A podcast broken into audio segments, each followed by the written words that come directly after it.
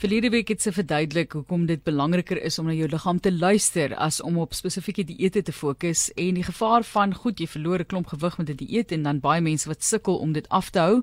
Karin Meyer is 'n geregistreerde dieetkundige en ons gesels daar verder oor praktiese wenke. Ons het nou gesê met na jou liggaam luister en hoekom dit belangrik is nou met mense dit weer aanleer. So kom ons gee net vir mense vinnige opsomming Karin van verlede week se punt wat jy wou maak.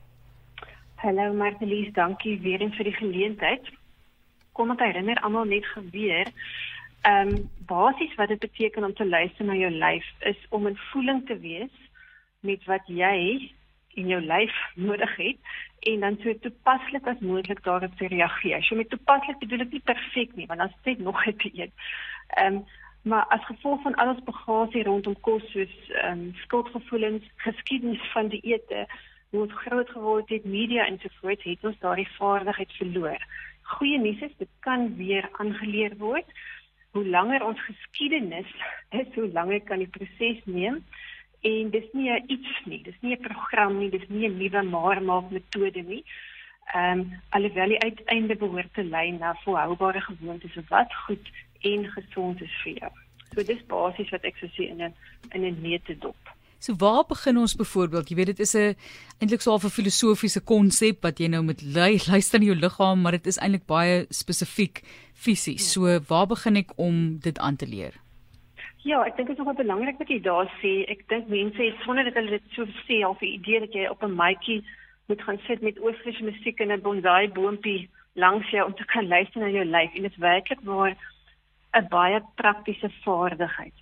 So ek sou sê 'n goeie plek om te begin as jy uitvoering is met luister na jou lyf is om 'n um, 'n ritme van eet te kry. Dit help sodat jou jou hongertes 'n bietjie rotine kan kry. Ehm um, dit help om te besef wat jou lyf se ritmes is en jou praktiese omstandighede. Met ander woorde as jy 'n nagskoolwerker is, teenoor 'n ma met 'n nuwe babatjie teenoor 'n 8 tot 5 werker of iemand wat die hele tyd op pad is. Jou ritmes gaan verskil. En as jy dan gaan wag vir die hierdie honger oomblik om te kom, gaan jy heel waarskynlik, soos wat ek laasweek genoem het, net die oortreffende trap tipe honger voel.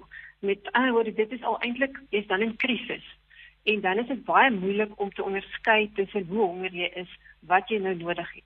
So 'n ritme van eet help jou om jou hongertes ehm um, struktuur te gee of 'n ritme te gee. Soos 'n die van die mense wat kinders het sal weet, klein babatjies in die begin met drink die hele tyd en dan kom hulle in 'n natuurlike ritme vir hulle lyfies. Of hulle nou borsmelk drink of formulemelk, daar is dit daar's tye van eet, dan is daar tye wat hulle slaap en dan doek omrei en dan is weer 'n tyd van eet. So dan raak dit voorspelbaar en dan kan jy saam met jou lyf en jou omgewing werk om te luister na jou hart. So dis die dis die eerste punt wat ek sal sê. En en dan as jy daai ritme of daai struktuur, die ruggraat, dan kan jy rondom daai etes vir jouself begin afvra. Hoe voel honger? Eerstens, want nie almal voel van ons voel honger op dieselfde plek nie. Dis nie noodwendig dat jy op jou maag gaan honger voel of dat jy bewerig gaan voel of so. En dis werklik verskillend vir verskillende mense en ek dink dit dit bring my amper by die tweede punt en dit is om sonder 'n agenda na jou ehm um, lyfsyne te luister. En wat ek daarmee spesifiek bedoel is, as jy geskiedenis het van die eet, dan mag jy dan sit die klem baie op hoe vol voel ek. Oh, voel ek nie al vol nie. Jy weet want ehm um, dit gaan oor om jou lyf te prik. Maar hierso wil jy ook vir jouself toestemming gee om te vra maar hoe voel honger? Hoe voel aangenaam honger? Want as net as wat jy dood moet weet hoe voel doodmoeg om te weet hoe voel uitgerus sodat jy nodig om te om te weet hoe voel honger sodat jy weet hoe voel aangenaam vol so daai daai sonder agenda en met toestemming is 'n noodsaaklike ehm um, ding om na jou lyf te luister om regtig na jou lyf te kan luister. En baie mense is bang bang vir daai honger want wat van as daai honger te groot gaan wees en ehm um, jy sal verbaas wees wat gebeur as jy werklik vir jouself toestemming gee om na daai honger te luister. En dan die derde punt wat waarskynlik nou daaruit uitvloei en ek gaan net daai drie punte noem dink ek is ehm um, as jy dan na jou hongertes mag luister, dan gaan jy ontdek dat jy ander hongertes het, dat jy ander behoeftes ook het. En wat nie bevredig gaan word deur kos nie. En die meeste mense het al klare idee. Baie mense sê hulle is emotional eaters.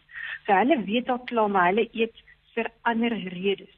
Maar in plaas van nou om jouself oor die kop te gaan slaan daaroor, is dit skep jy amper 'n skep 'n skierige omgewing sodat jy kan ontdek maar wat gaan hier aan ek weet dis nie dis nie dis nie lyf honger hierdie nie hierso is iets anders is ek verveeld het ek behoefte aan stimulasie het ek slaap nodig um koneksies soos ons laas hier oor gepraat het. So daai drie so ek sê is is waarskynlik 'n beginpunt om om prakties te begin luister na jou liggaam om 'n ritme te hê sodat jou honger dis uh, ek vind 'n rotine kan kry en dan vir jouself te begin afvra hoe voel dit met toestemming sonder 'n agenda? En dan 'n stapie verder te gaan te kyk maar waarvoor is ek nog honger? Wie's ander dinge wat ek hier ontdek en wat nie net oor kos gaan nie.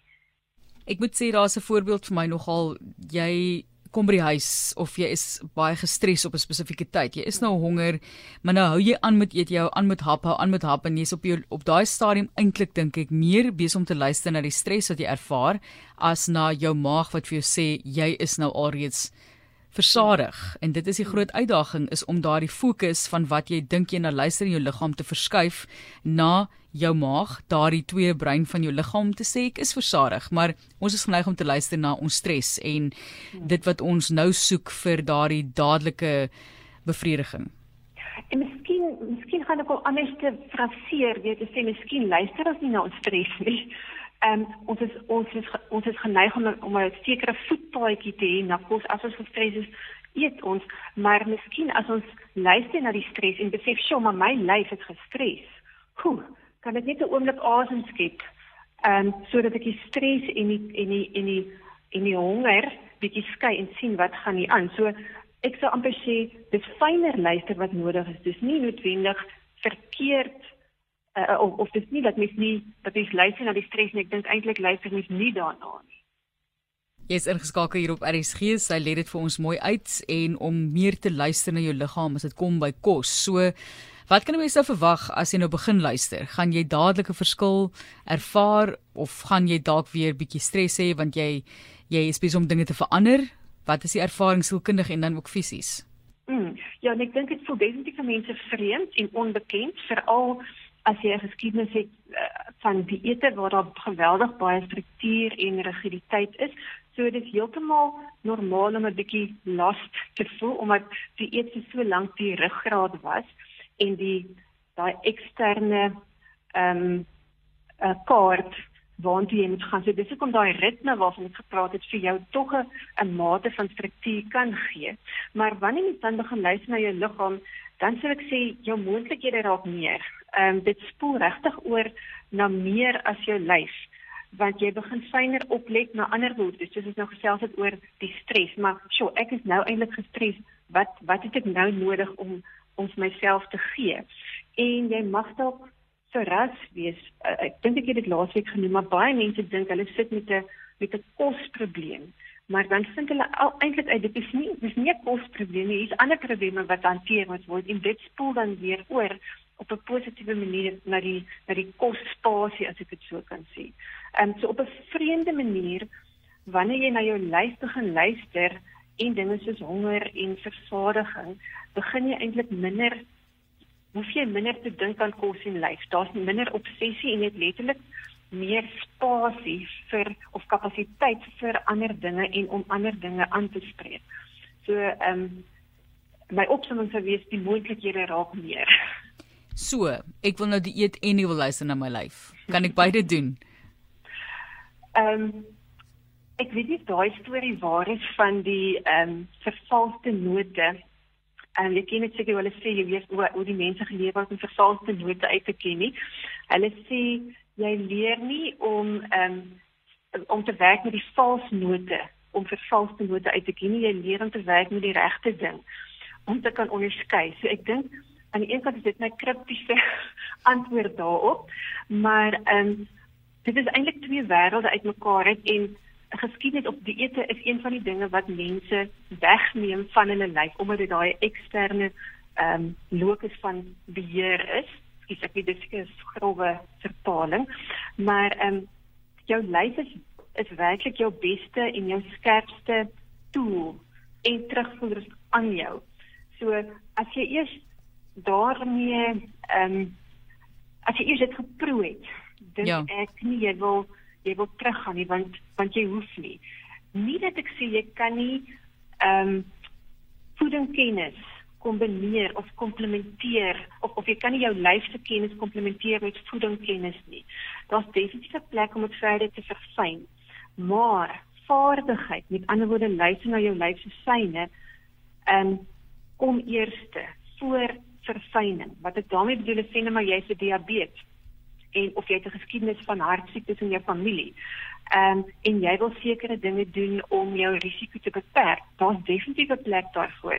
Maar as jy eers die verfyning gaan probeer doen, gaan jy sit met 'n stel taboes, met 'n klomp skuldgevoelens, jy gaan voel jy's op iets en dan weer af iets, terwyl as jy vaardig is om jou lyf te verstaan en toepaslik te reageer, dan is jy op 'n koskalm plek waar jy daai verfyning kan instel en jou voedingskennis kan gebruik en dink goed ek gaan bietjie hiervan insit saam met hierdie maar op 'n kalme manier en op 'n volhoubare manier wat nie gedryf word deur skuldgevoelens um op iets af iets ja.